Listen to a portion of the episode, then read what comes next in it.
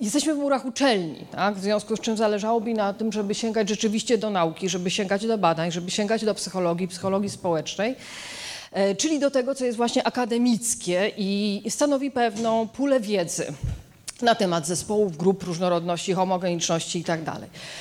Ale z drugiej strony też sobie wyobrażam, że y, dzisiaj tego, co ludzie bardzo pragną, y, to właśnie przełożenia y, wiedzy już na rzeczy, z którymi mamy do czynienia.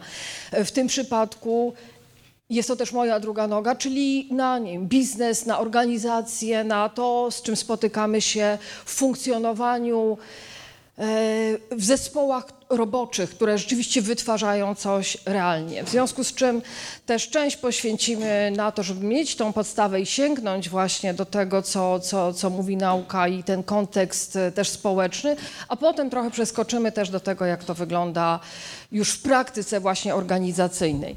Jeśli będą tu rzeczy, które są Państwu znane, no to oczywiście, nie wiem, może dobrze, bo będziemy mieli o co się zahaczyć. Jeśli, e, jeśli one będą jakoś wtórne, to przepraszam, ale i, i do nich na pewno znajdą znajdą się nowości. Więc rzeczywiście to, to gwoli przedstawienia. Y, ja, ja, pracowałam przez 15 lat na Uniwersytecie Jagiellońskim w Zakładzie Badania Procesów Grupowych, także rzeczywiście to było bardzo wszystko bliskie mojemu sercu y, i w sensie badawczym i akademickim, wszystko to, co dotyczyło grup, zespołów i sieci. Równolegle y, prowadziłam taką pracę konsultacyjną i konsultingową dla organizacji. Od pewnego czasu, czyli od sześciu lat, już na uniwersytecie nie pracuję, ponieważ uważam, że praca badawcza no, jest ogromnie wymagająca, porządna praca badawcza, naukowa i jest bardzo trudno. Niektórzy to potrafią, ale to naprawdę nieliczni, godzić właśnie całą tą praktykę e, doradczo-biznesową z zrobieniem porządnej e, nauki, więc oddałam to w ręce właśnie młodszych i takich, którzy się temu mogli poświęcić. A myśmy z Piotrem Piaseckim zaczęli właśnie pracować mocno e, konsultingowo, no już e, wdrażając tą wiedzę. Teraz jak to jest naprawdę z tą siłą różnorodności, bo to trochę jest nieprawda. Czyli właśnie można było powiedzieć, że jakby oryginalnie e, cała siła i moc, no to jest w tej jednorodności. No bo pomyślcie sobie Państwo, no możecie to wiedzieć, mieć, mieć ku temu podstawy, co nas bardziej cieszy w życu – grupy jednorodne takich ludzi, osób jak my, do których przynależymy. To jest takie nasze. Y, no, czy taki zespół, gdzie no, każdy jest fajny, ale nie ma tego silnego my, nie jest do siebie podobny. No tak na pierwszy rzut. Jak sądzicie? No tak z życia nawet własnego. Tak wychowujemy się w grupach, Wychowujemy się w grupach od początku, od właściwie no, bardzo wczesnych lat. To w grupach e, zachodzi nasza akulturacja, e, czyli włączanie nas do danej kultury, do, na, do danego społeczeństwa, przekazywanie wszelkich zasad, sposobów zachowania itd. I tak ten model identyfikacji społecznej to chyba jest taka najważniejsza, czy dla mnie to była szalenie taka ważna rzecz, jeśli chodzi o psychologię grup i zespołów potem też, ponieważ te grupy właśnie o wysokiej spójności, Spójność, uwaga, bo to jest takie słowo kluczowe. Spójność oznacza, że jest więcej czynników, które powodują, że ludzie w tej grupie zostaną, czyli trzyma ich w kupie, mówiąc bardzo kolokwialnie, niż tych czynników, które ich wypychają z, z, grupy. No bo oczywiście takie czynniki są, tak? No bo grupa składa się z jednostek, z ludzi i zawsze w każdej grupie jest takie nieustające, immanentne, takie piękne słowo, y, napięcie pomiędzy tym, co jednostkowe, a tym, co grupowe. Jak grupy są mocno spójne, to już tam potrafią zrobić, że wszyscy raczej wolą zostać w tej grupie niż z niej wyjść. Zauważcie, że właściwie tak powstawały też nasze społeczności, a potem takie społeczeństwa, ale jeszcze bardzo tradycyjne, bardzo takie organiczne. Chodziło o to, co było największą y, karą dla członka y, grupy. Wykluczenie. On po prostu w, w skrajnych sytuacjach umierał. Prawda? To było, to, to, to było najważniejsze, żeby nie zrobić nic przeciwko grupie, no bo jak grupa wydali, no to, to po wszystkim, prawda? I pokazuję to, czy mówię o tym e, też dlatego, że to niejako jest troszkę takie hardwire w, naszej, w naszym umyśle, w naszym mózgu, prawda? To, tak, tak nasza ewolucja człowieka też się rozwijała. Przebiegała w grupach spójnych. W grupach homogenicznych, w grupach, które tworzyły silną tą tożsamość społeczną, czyli dawały nam przynależność, dawały nam bezpieczeństwo, e, dawały nam właśnie to poczucie my, a z nim tą przynależność, czyli coś, co też e, nazywamy tożsamością grupową to, albo tożsamością zespołową. Zauważcie, że każdy z Was ma swoją tożsamość jako niepowtarzalnej jednostki jakiegoś Jana Kowalskiego przysłowiowego, przepraszam, jeśli taki się znajduje na sali, bo to się zdarza, ale też każdy z nas ma jakąś tożsamość grupową, zespołową, zbiorową, typu Polak, kobieta, y, mieszkaniec Poznania. To jest część waszej tożsamości tej grupowej, społecznej. Oczywiście zazwyczaj w ciągu y, każdego dnia raczej bazujemy na tej indywidualnej świadomości naszej, tej odrębności. Ale jak się znajdujemy, na przykład ten, ten Polak, tak, się znajdzie nie, w Stanach Zjednoczonych i zaczyna rozmawiać z Amerykaninem, to nagle pojawiają się jakieś tematy, które ukazują, że otóż ja jestem w innej grupie niż ty. Ta tożsamość zbiorowa wychodzi wtedy na pierwszy plan. To jest dla nas staje się ważne. To jest część naszej tożsamości, to jest głęboko. Ale coś jeszcze jest ciekawszego, że to prawo Tajfela też pokazuje bardzo ładnie. Miałam zrobić nawet jakiś mały eksperyment, ale już sobie odpuszczę z powodu czasu, że wystarczy ludzi podzielić, na przykład, niech będzie tutaj taka linia podziału niewidoczna, tu jest grupa A, a tu jest grupa X. I teraz załóżmy, że sadzamy te dwie grupy w różnych pomieszczeniach. No i mamy taką grę, że jest jakaś pula zasobów cennych, które można zamienić na złotówki, czy cukierki, czy co tam jest dla nas ważne. I y, teraz każda grupa ma rozdzielić, ile dla mm, tutaj, a ile pójdzie dla y, grupy X. No i wiecie, co się stanie. Nie? Jakby nie muszę dalej tłumaczyć całej tej historii. Y, linia podziału jest żadna tak? bo jest tylko etykietą X i Y. Robili jakieś eksperymenty typu ci, co lubili malarstwo Klee albo Modriana. Tak? Doesn't matter, to nie jest nic ważnego w sensie psychologicznym. A teraz wyobraźcie sobie, że linią podziału jest wiem, religia, miejsce urodzenia, yy, rasa, coś tam jeszcze. Więc jest to potęga, jest to potęga grupy spójnej. Y, mówię to właśnie o tym, żebyśmy sobie też uświadomili, że tak, bo taka będzie konkluzja oczywiście z tego wykładu, po to się zebraliśmy, że grupy różnorodne są super, że we współczesnym świecie dają nam efektywność dają nam mnóstwo y, korzyści takich właśnie związanych z tworzeniem, współpracą, etc. Ale uwaga, rzecz wcale nie jest prosta, ani nie jest banalna, ani nie powoduje, że oto jesteśmy wszyscy cudownie otwarci na tą różnorodność i nie mamy z tym żadnego problemu. No mamy. I jakby chcę też wszystkich nas uwolnić od tego, że to jest jakieś złe, no bo to ma swoje po prostu podstawy. No oczywiście no, ostatnim punktem, który z tej... z tego faktu tej identyfikacji społecznej e, wynika, no, ze swoimi całymi urokami i, e, i złem, no to to jest nasilająca się rywalizacja grupowa, czyli im bardziej my jesteśmy my, tym bardziej oni są oni. Nie? No i to jest cała percepcja zupełnego innego postrzegania my, innego postrzegania onych, chociażby miało to dotyczyć tego samego zachowania. Jeśli nasi wygrali, no to znaczy, że są super, a jeśli oni wygrali, to że mieli, trafiło im się jak ślepej kurze ziarno, tak? Jak nasi przegrali, no to znaczy, że były niefajne okoliczności, a jak oni przegrali, no to znaczy, że po prostu są głupi i sobie nie radzą. Także to wszystko robimy świetnie i w sposób niezwykle naturalny. Czyli w pewnym sensie mogę powiedzieć, że siła to to jest jednak tej homogeniczności, plus to przychodzi naturalnie. Ta różnorodność wcale nie jest taka oczywista, nie jest naturalna, oprócz tego, że zyskała na wartości dopiero niedawno. E, no właśnie, a kiedy zyskała na wartości? No oczywiście teraz właściwie nie ma wykładu, który by się nie zaczynał od słów no w dobie, prawda, intensywnej digitalizacji i tak dalej. No tutaj też tak musi być, bo rzeczywiście tak jest.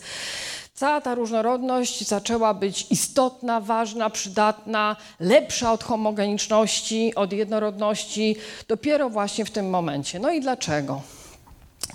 No to jest bardzo y, ciekawe, jak obserwuje się to troszeczkę w czasie.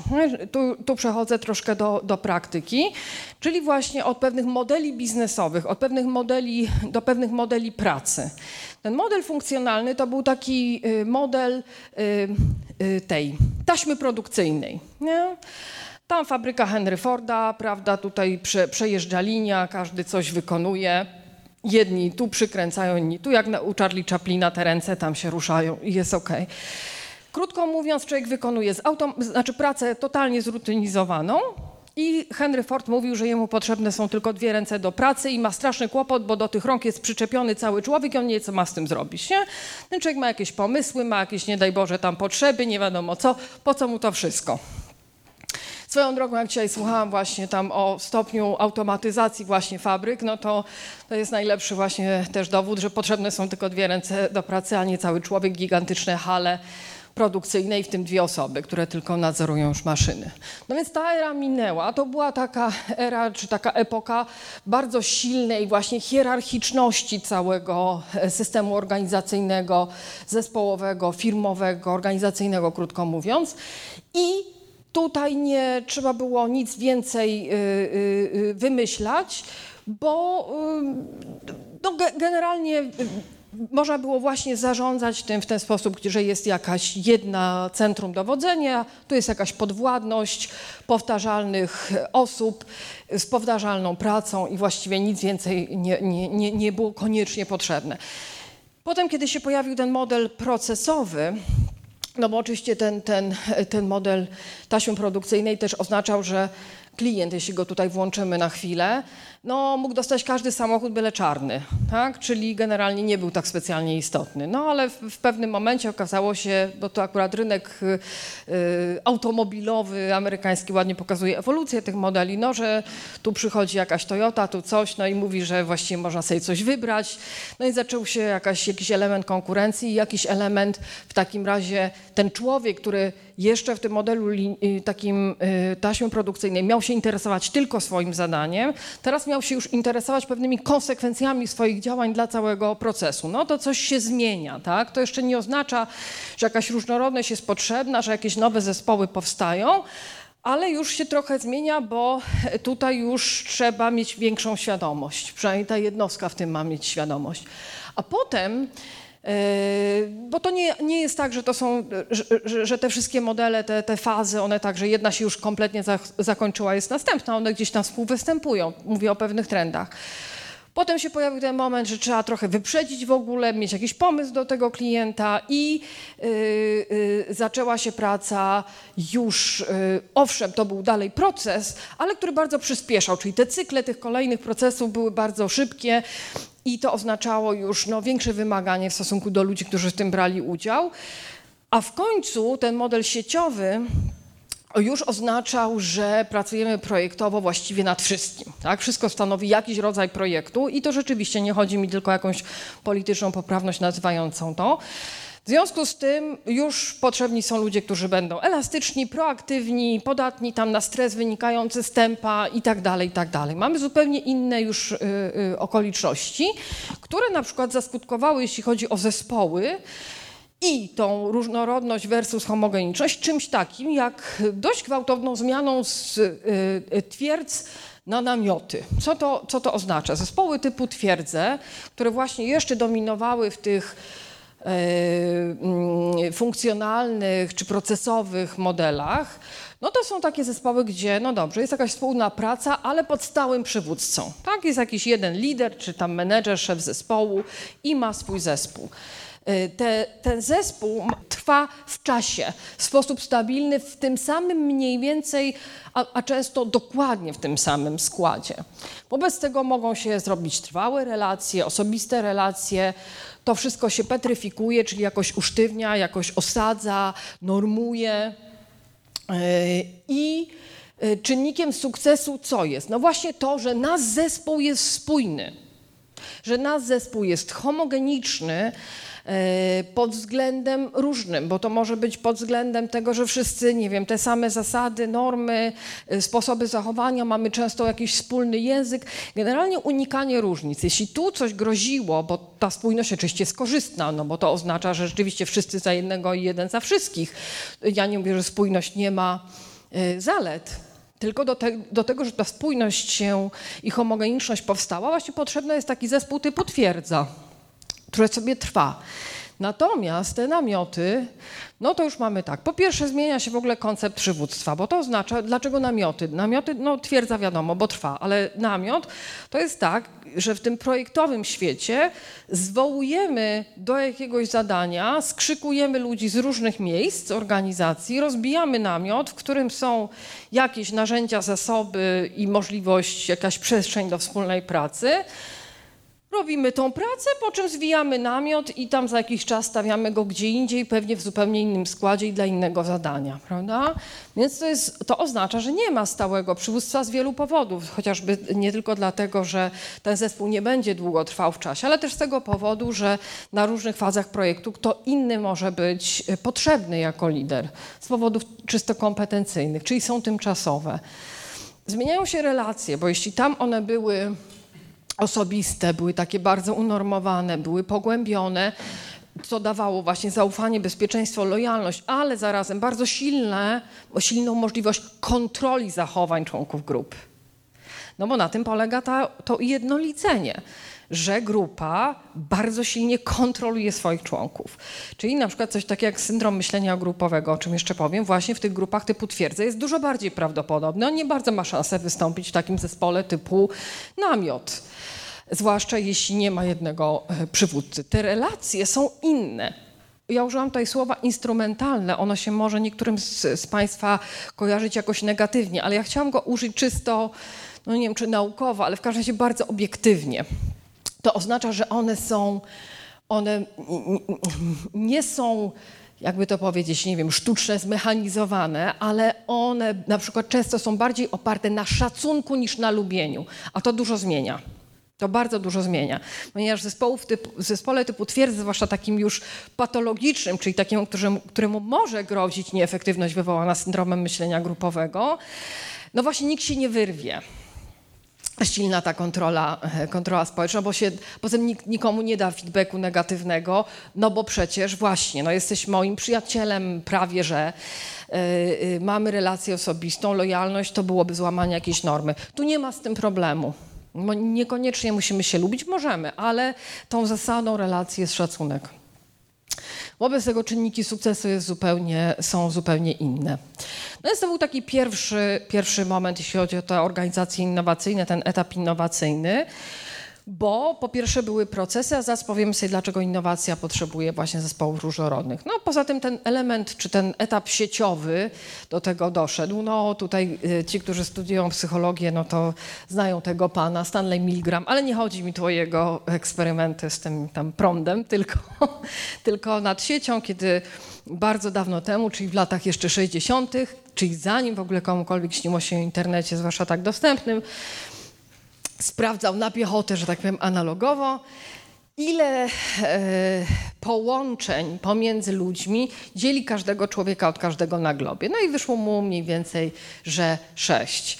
E, jak to robił, to sobie właśnie możecie dotyczyć. Sześć, czyli oznacza, że nie wiem, między panią, pani Agnieszką, a nie wiem, Barackiem Obamą na przykład jest sześć stopni, czyli pani zna kogoś, to zna kogoś, to zna kogoś, to zna kogoś, to zna kogoś, to zna Baracka.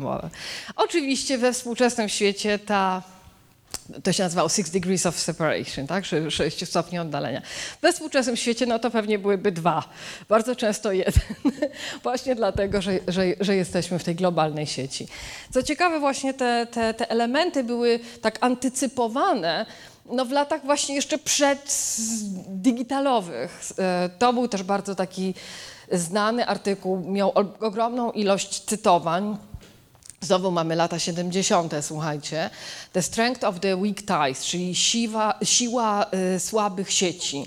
I Granowetter opisywał w nim, że coś się zaczyna zmieniać, bo w tradycyjnym społeczeństwie naj, y, najsilniejszą taką grupą, z której czerpaliśmy jakąś informację, która była taką grupą wspierającą właśnie jeśli chodzi o pozyskiwanie różnej wiedzy, nie wiem, typu tam do jakiego lekarza pójść, a to tam ciocia Basia kogoś zna, nie? To szukaliśmy wśród tych mocnych sieci, silnych sieci, te silne on opisywał jako te właśnie, które są w tym naszym świecie podobnych, czyli na przykład pokrewieństwa, czyli na przykład właśnie gdzieś tam rodziny, krewnych dalszej rodziny, jakichś bliskich przyjaciół domu tam od zawsze i tak dalej.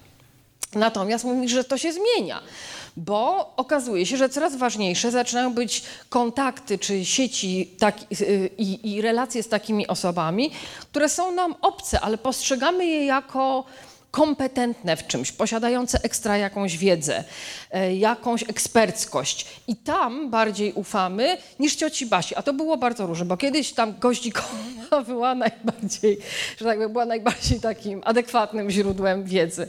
I rzeczywiście ostatnio gdzieś tam szukając innych, e, innych informacji, czegoś dotyczącego Tesli, właśnie gdzieś śledziłam jakąś dyskusję, która ładnie to poparła. To już jest oczywiście w czasach dzisiejszych. Jest jakaś dyskusja. No masz kolegę z Teslą, a pytasz na forum? Dziwne. Właśnie dlaczego nie korzystasz z tej mocnej sieci, z tych, z tych mocnych relacji? Chyba od tego jest forum. Autor pisze artykuł o Tesli, więc pewnie ma jakieś pojęcie, prawda? Z kolegami jest zawsze tak, że ich auta są najlepsze na świecie i nigdy się nie psują.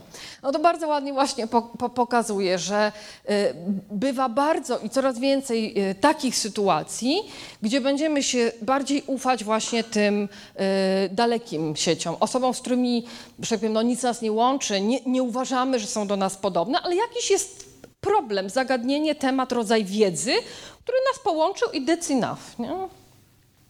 Czyli to był ten element, pojawił się ten element sieciowy i z powodu technologii, i z powodu zmian społecznych naszych w interakcjach.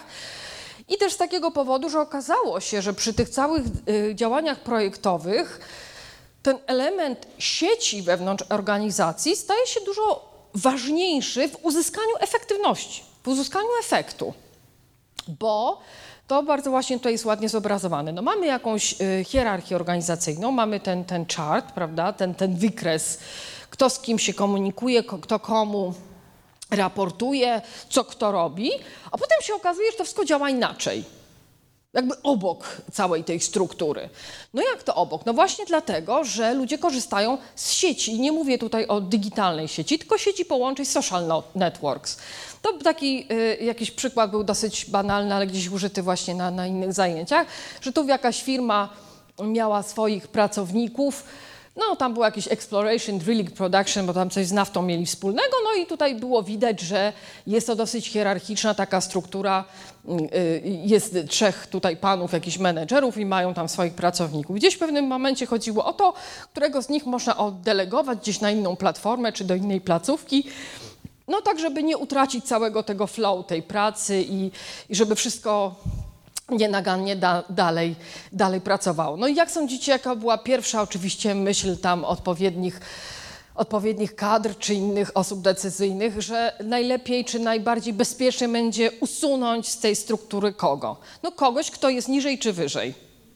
Niżej. No i tak już zrobiono. Jeśli dobrze pamiętam, to pana Kola oddelegowano. No i co się okazało? Że wszystko w ruinie.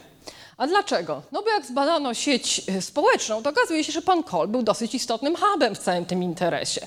W związku z czym bez niego niewiele się działo, znaczy jakby formalnie się działo, tak? No wiemy jak to jest w organizacjach, bardzo dużo można markować, tak, pracy, no coś każdy robi, no nikt nie siedzi, tylko efekty są mizerne. Natomiast pan Kohl jakoś powodował, że rzeczywiście się działo, był jakimś hubem informacyjnym, wiedzy, może liderem opinii, trudno powiedzieć, tak, nie znam kulisów, no ale jakby okazało się, że no, był, to, był to błąd. E, co więcej, oprócz właśnie tych namiotów, tych sieci, jeszcze dochodzą tak zwane gildie. To dosyć też ciekawe zjawisko.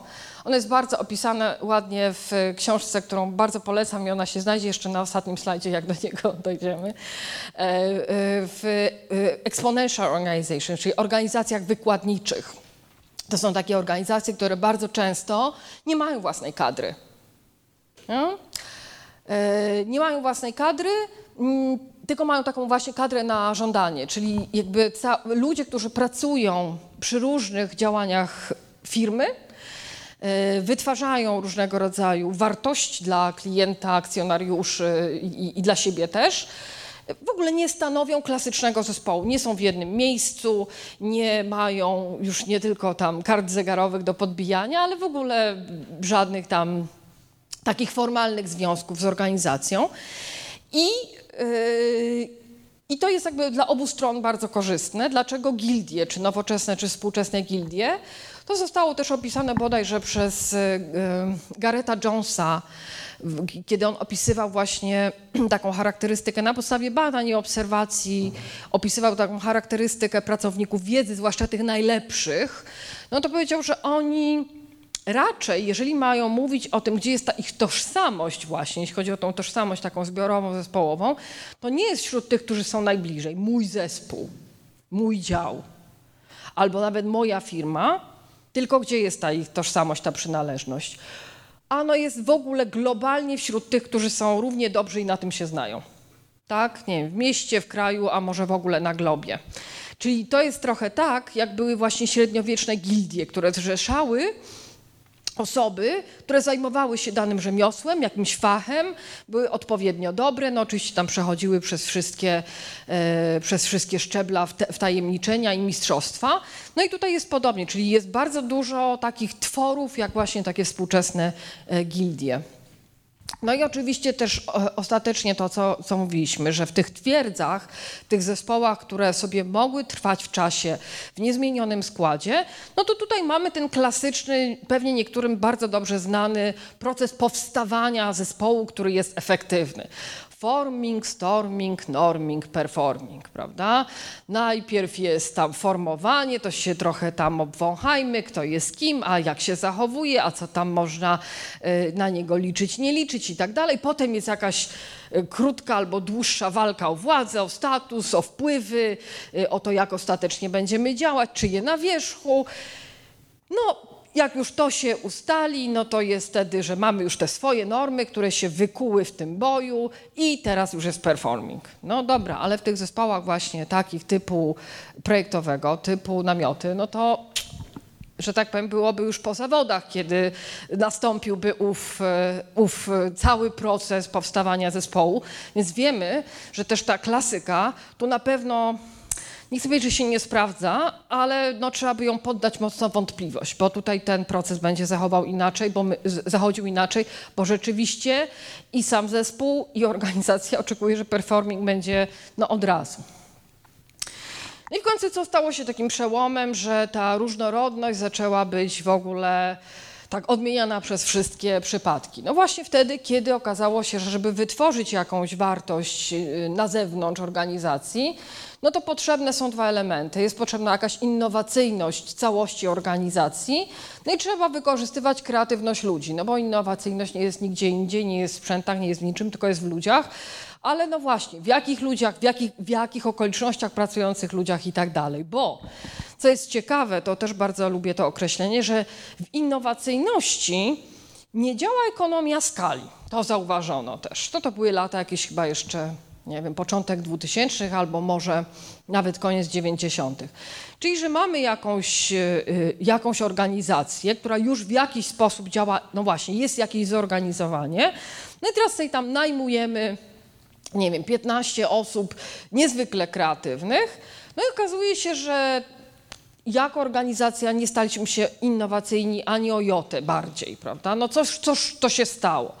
Stać się mogło wiele, bo to ja o tym też bym mogła długo, bo są właśnie różne i struktury, i kultury organizacyjne i tak dalej, ale jedną z przyczyn może być to, żeśmy wszystkich tych innowacyjnych dobrali takich samych pod różnymi względami i posadzili ich wszystkich razem do, y, do, do wspólnego działania, czyli stworzyliśmy grupę niezwykle y, jednorodną. I to może być niezłe ryzyko, bo Niczym innym, jak właśnie taki, przykładem takich sytuacji, były różne grupy opisane przez jak go się czyta, nigdy nie wiem, u nas się jeszcze mówiło z Polska Janisa, ale to pewnie jest Janis, który opisywał właśnie, opisał ten syndrom myślenia grupowego. Kiedy eksperci wysokiej klasy, czy to byli doradcy Kennedy'ego, czy to właśnie były te osoby, które pracowały, sami eksperci, specjaliści nad e, wypuszczeniem talidomidu e, i tak dalej, i tak dalej. Wszystkie te oczywiście, no też e, Challenger jest tego, jeden z Challengerów przykładem, który zakończył się katastrofą, czyli we wszystkich tych przypadkach, które on opisywał, mieliśmy zespół znakomitych ekspertów. A decyzje, które podjęli i efekty ich pracy były katastrofalne w skutkach.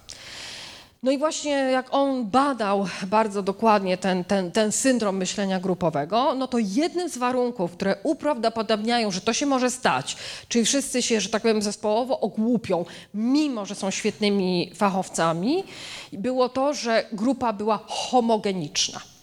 Pod różnymi zresztą względami bo to mogła być właśnie homogeniczność takiego, nie wiem, podstaw edukacyjnych. Wszyscy specjaliści no, po, pod, podobnej klasy. To mógł być nawet pewien status y, społeczny, na przykład wszyscy akademicy, profesorowie, prawda? Y, to mogło być wykształcenie, to mogły być jakieś inne elementy wieku, rasy, klasy i tak dalej, ale im więcej jest tej homogeniczności, tym większe prawdopodobieństwo, że mimo tej eksperckości możemy, możemy właśnie to uzyskać. Tam jeszcze oprócz tego są są oczywiście inne elementy, takie jak odizolowanie tej grupy, jak presja czasu, jak zagrożenia różnego rodzaju. Jak to wszystko się sumuje, to, y, to ryzyko się zwiększa, ale tym warunkiem wyjściowym jest na pewno homogeniczność. No więc zaczęto badać coś, co jest przeciwieństwem tego, tego myślenia grupowego. I tu profesor Edward Nęcka, y, profesor Uniwersytetu Jagiellońskiego, który właściwie całe swoje życie poświęcił badaniu inteligencji, kreatywności, twórczemu myśleniu i opisywał coś takiego jak zjawisko umysłu zbiorowego. Coś, co jest ponadindywidualne, czyli nie wynika z tego, że no ktoś jest genialny albo bardzo innowacyjny i i jeszcze drugi, i trzeci, i piąty, i są wszyscy tacy świetni i, i tacy ekspercy, że na pewno umysł zbiorowy się pojawi. No nie, bo to jest taki, taka sytuacja, która e, jest przez niego opisywana, czy zjawisko. Ono jest emergentne, to też ładne słowo, czyli nie jest prostą sumą y, charakterystyk indywiduów. Tak? Czyli nie jest tak, że znając poszczególne osoby, które utworzą zespół, taki zespół, możemy określić, czy i jaki będzie ten umysł zbiorowy. Nie, bo to, to będzie coś, czego co można tylko poznać, kiedy ci ludzie wejdą ze sobą w interakcję i to wszystko się stanie, bo to jest zjawisko właśnie emergentne, czyli ma cechy takie, które są niesprowadzalne do cech jednostek. Bardzo fascynujące. E, I miałam je okazję też wielokrotnie w takich grupach, które zresztą właśnie profesor Nęcka prowadził, bo nie było jeszcze wtedy nie wiem, agencji reklamowych i innych fajnych marketingowych firm. Wobec tego studenci psychologii na drugim roku tworzyli pierwsze takie polskie think tanki właśnie pod kierunkiem mm, profesora. E, także mieliśmy okazję nie tylko czytać o tym, ale po prostu tego właśnie e, doświadczać. Teraz przejawia się to w powszechnym i wzajemnym podchwytywaniu, rozwijaniu i uzupełnianiu idei wypowiadanych przez innych członków grupy. No, wypowiadanych jest tu oczywiście tylko konwencją słowną, bo może to być wyobrażone, może to być w jakiś inny sposób pokazane, ale najistotniejsze jest to, że właśnie to jest podchwytywanie, rozwijanie, uzupełnianie. Czyli coś musimy mieć, co nie jest kopią naszego myślenia i naszego pomysłu, żeby nas to zainspirowało do jakiegoś rozwinięcia po mojemu, a z kolei ktoś inny to przechwytuje i jeszcze w inny sposób to rozwija i zmienia. Samo to w sobie już jest, znaczy to już czujemy wszyscy, że do tego jest potrzebna różnorodność i to w wielu wymiarach ale tu już pojawiają się pierwsze gigantyczne problemy, no bo oczywiście to oznacza, ale możecie jeszcze zrobić, o właśnie taki mały, nie wiem czy eksperyment, czy taki tu case study, no wyobraźcie sobie, że macie bracia, brata bliźniaka, macie takie same mózgi, zdolności i wyznaczono wam zadanie stworzenia nowego przedsięwzięcia biznesowego, tak?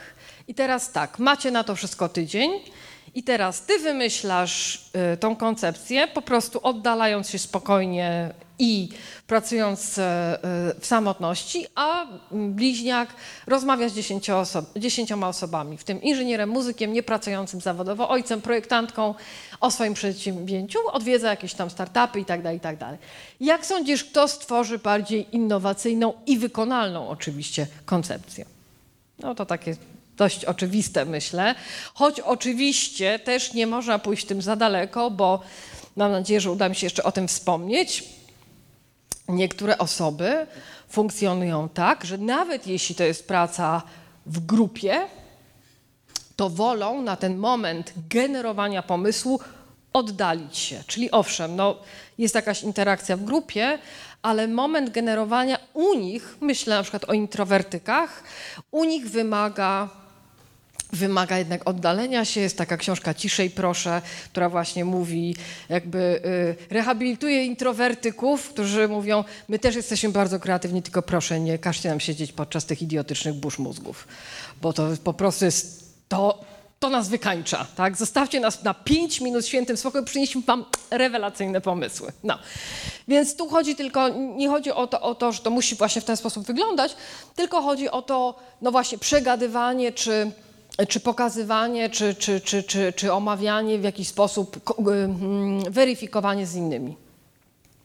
Więc ta funkcja umysłu zbiorowego, co ona czyni, dlaczego jest taka fajna? No jest fajna, bo przynajmniej ma ze trzy takie swoje właściwości. Zacznę od tej trzeciej, czyli od kondensującej. Faktem jest, że jeżeli uda się taki umysł zbiorowy wytworzyć, to ten proces kreatywny zaczyna się kondensować, czyli coś, co zajęłoby nam, jeśli w ogóle, całe dni i tygodnie być może, a może miesiące, żeby do tego dojść i to wymyślić, na przykład odbywa się w ciągu kilku czy kilkunastu godzin. Hmm? Jest ta kondensacja, jest ta facylitacja i, i, i, idzie to szybciej. No i te funkcje rezonujące i dyfuzyjne, czyli w tym znaczeniu, że przenikają się nasze sposoby myślenia, sposoby wymyślania, rozwiązania i tak. No i do tego rzeczywiście, tak jak tutaj Państwo myśleliście, niezbędna jest różnorodność, bo inaczej nie ma się z czym wymienić, jeżeli mamy no, sklonowane, super genialne nawet, ale sklonowane osoby, że tak się wyrażę. Więc różnorodność, ten efekt publiczności, to jest, y, to jest, to jest ten, ten moment, kiedy ta różnorodność tak naprawdę jest niezbędna i wychodzi. Bo to oznacza, że jest jakaś przestrzeń, w której mogą się znaleźć różne perspektywy. Tak? I każdy może sobie każdą obejrzeć z różnych stron.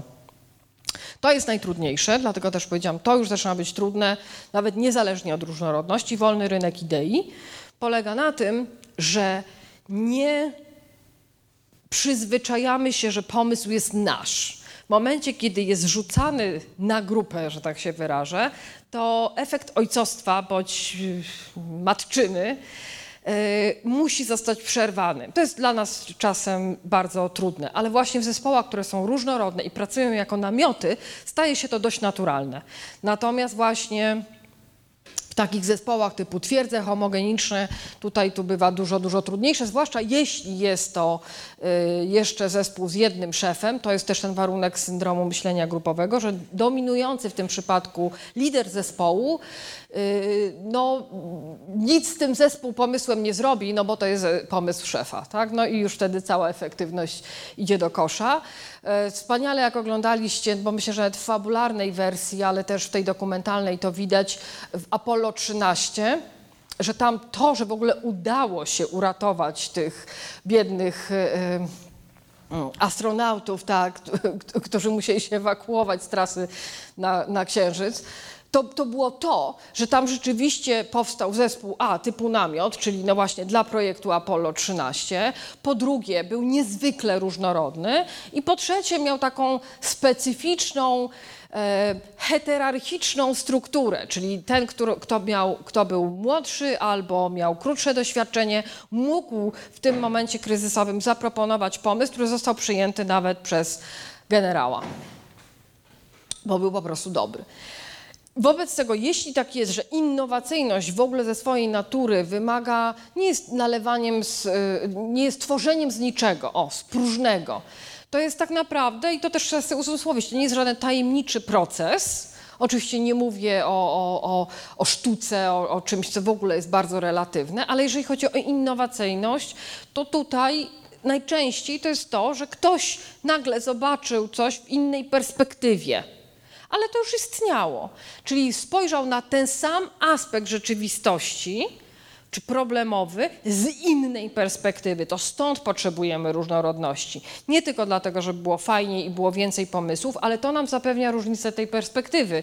Czyli tak jak w starym, już znanym doskonale tutaj Państwu obrazku, tak? No jedni widzą starą kobietę, inni widzą młodą kobietę. Proszę?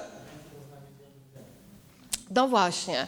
Jak ktoś zna, to widzi raz taką, raz taką, umysł się tam przesiada z jednego miejsca na drugie. I chodzi o to, że gdybyśmy zrobili to per analogiam, że tu mamy jakieś zagadnienie, problem, który jest złożony jak każdy.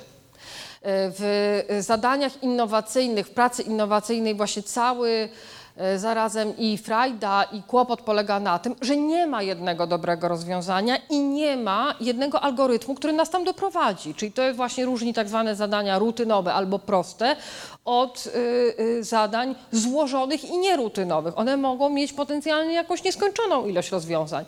I teraz, żeby to zobaczyć, to na ten złożony problem patrzy x osób i jeżeli są różne, zaraz powiem pod jakim względem różne, to prawdopodobnie zobaczą właśnie te różne kobiety.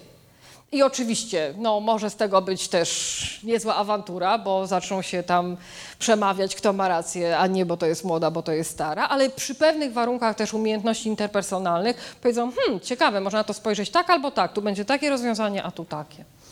Albo to, co zawsze doprowadza mnie do szału, prawda? No, góra może być dołem, dół może być górą, prawda? No, można do tego podejść różnorako. No więc właśnie. E, czyli różnorodność zaczęła mieć znaczenia. Znaczenie. I teraz uwaga właśnie, to jest też dosyć ciekawe, żebyśmy o tym może też pamiętali jako jednostki ludzkie, że e, w tym wszystkim my nie pozbawiliśmy się całkowicie tej potrzeby lokalności i tej potrzeby mm, posiadania, bycia w jakiejś grupie, która jest właśnie tą grupą podobnych i która jest grupą stałych. Liczba Dunbara. Hmm?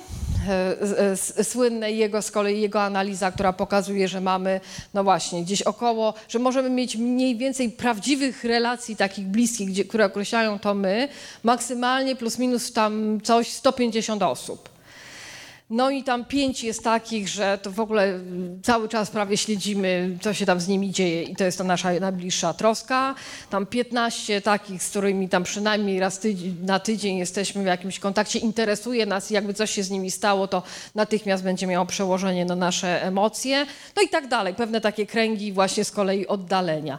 Więc oczywiście myśmy się tego nie pozbawili to pewnie też będzie jakoś ewoluowało poprzez właśnie sposób już życia, nie wiem, e, chociażby e, generacji pokolenia Y, ale już Zetów tym bardziej, więc nie wiem, jak to będzie dalej, ale to dalej w naszej naturze jest. To tak trochę dla, dla spokoju. wobec tego, jakie te różnice? Jakie te różnice bo można oczywiście pewnie o wielu, ale trzy chyba kategorie różnic są najistotniejsze dla tej różnorodności i tego, co potem może mm, skutkować ową innowacyjnością, kreatywnością i efektywnością zespołów w, tych, w tym kontekście, o którym mówimy. Pierwsze to role zespołowe, przy czym uwaga, nie chodzi mi tutaj o jakieś przypisane role typu funkcje formalne funkcje. E, role zespołowe opisane przez Belbina, pewnie też niektórym znane, to jest pewnego rodzaju część naszej trochę i nauki, częściowo naszej osobowości, temperamentu, częściowo stylów poznawczych. Krótko mówiąc, pewien sposób funkcjonowania w zespole, który najchętniej przyjmujemy. I zaraz powiem, czego on dotyczy. Ale on nie jest związany z funkcją, która może nam być nadana. Osobowość czyli nasze różnice indywidualne związane ze stylem działania oraz z różnymi preferencjami też związanymi z komunikacją, przetwarzaniem informacji. No i oczywiście różnorodność tego, co nazywa się w, w socjologii, socjologicznej psychologii społecznej statusem, w takim znaczeniu nie y, y, jakiejś nadanej władzy czy pozycji znowu społecznej, tylko yy, związane jest z takimi charakterystykami statusu, jakimi właśnie może być wiek, czy płeć, czy e, etniczna grupa, do której się należy. No to dobrze, to zacznijmy od tych y, ról grupowych. Ja przedstawię, no tak jak mogę, skrótowo na slajdzie pewien case study, a Państwo powiedzcie, co o tym sądzicie.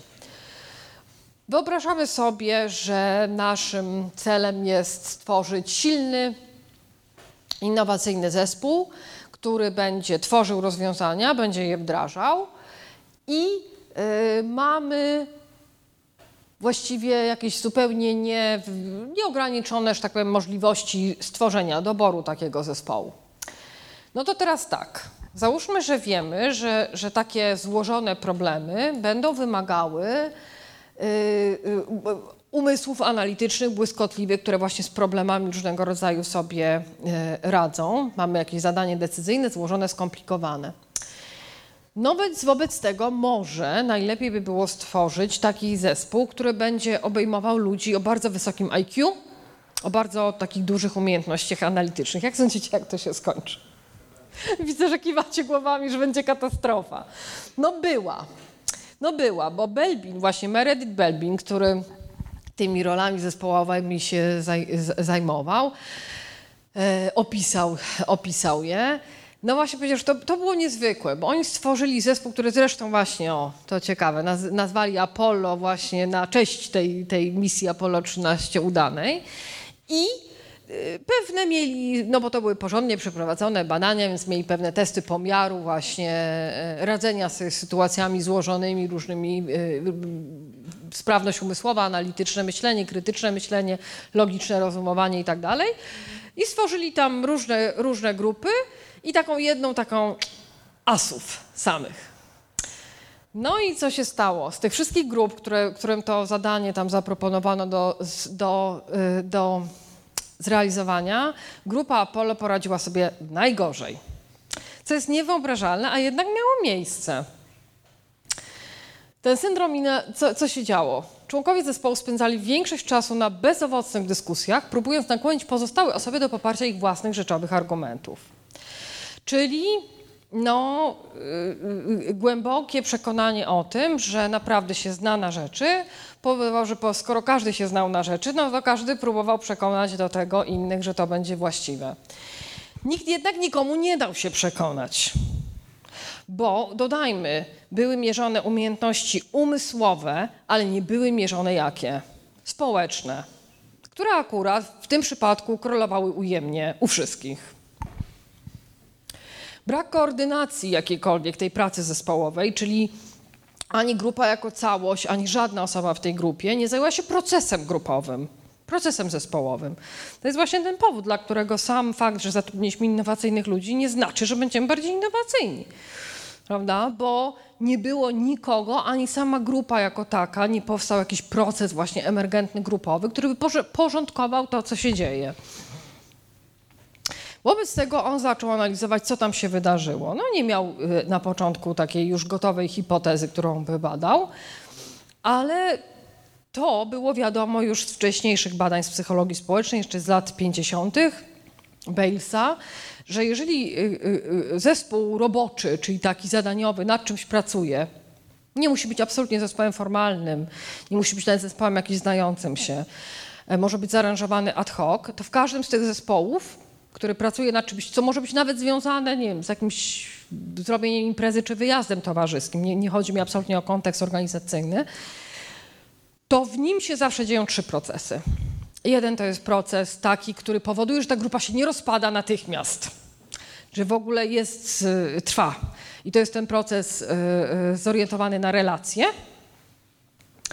Są procesy, które są zorientowane na zadanie, czyli żeby się jednak nie było tak, że posiedzimy, będzie strasznie miło, ale absolutnie nic nie zrobiliśmy w tej sprawie.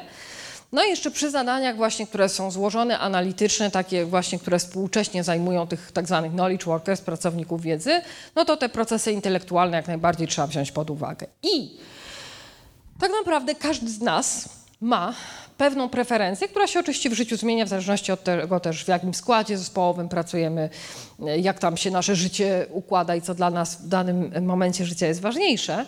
Ale tak naprawdę każdy z nas ma pewną preferencję do pełnienia pewnych ról, które obsługują jeden z tych procesów. Okay?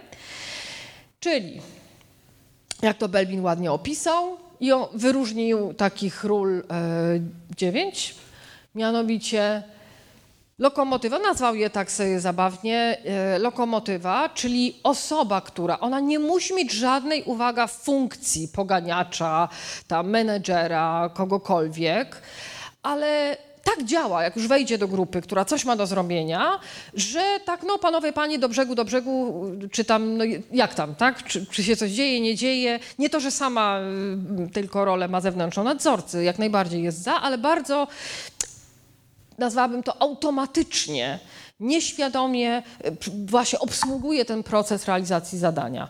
Żeby tak od razu pokazywać to, że różnorodność wiąże się też z kontrastami, no to jest tam inna też postać, tak zwana dusza zespołu.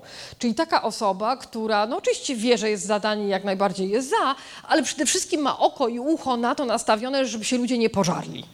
Tak, że gdzieś tutaj tli się konflikt, tam ci już zaczynają mieć troszkę dość, ktoś tam się wycofuje i automatycznie obsługuje ten proces. Gene, e, Boże, koordynator to z kolei taka osoba, która jest trochę pomiędzy e, jednym a drugim, pomiędzy e, lokomotywą a tą duszą zespołu.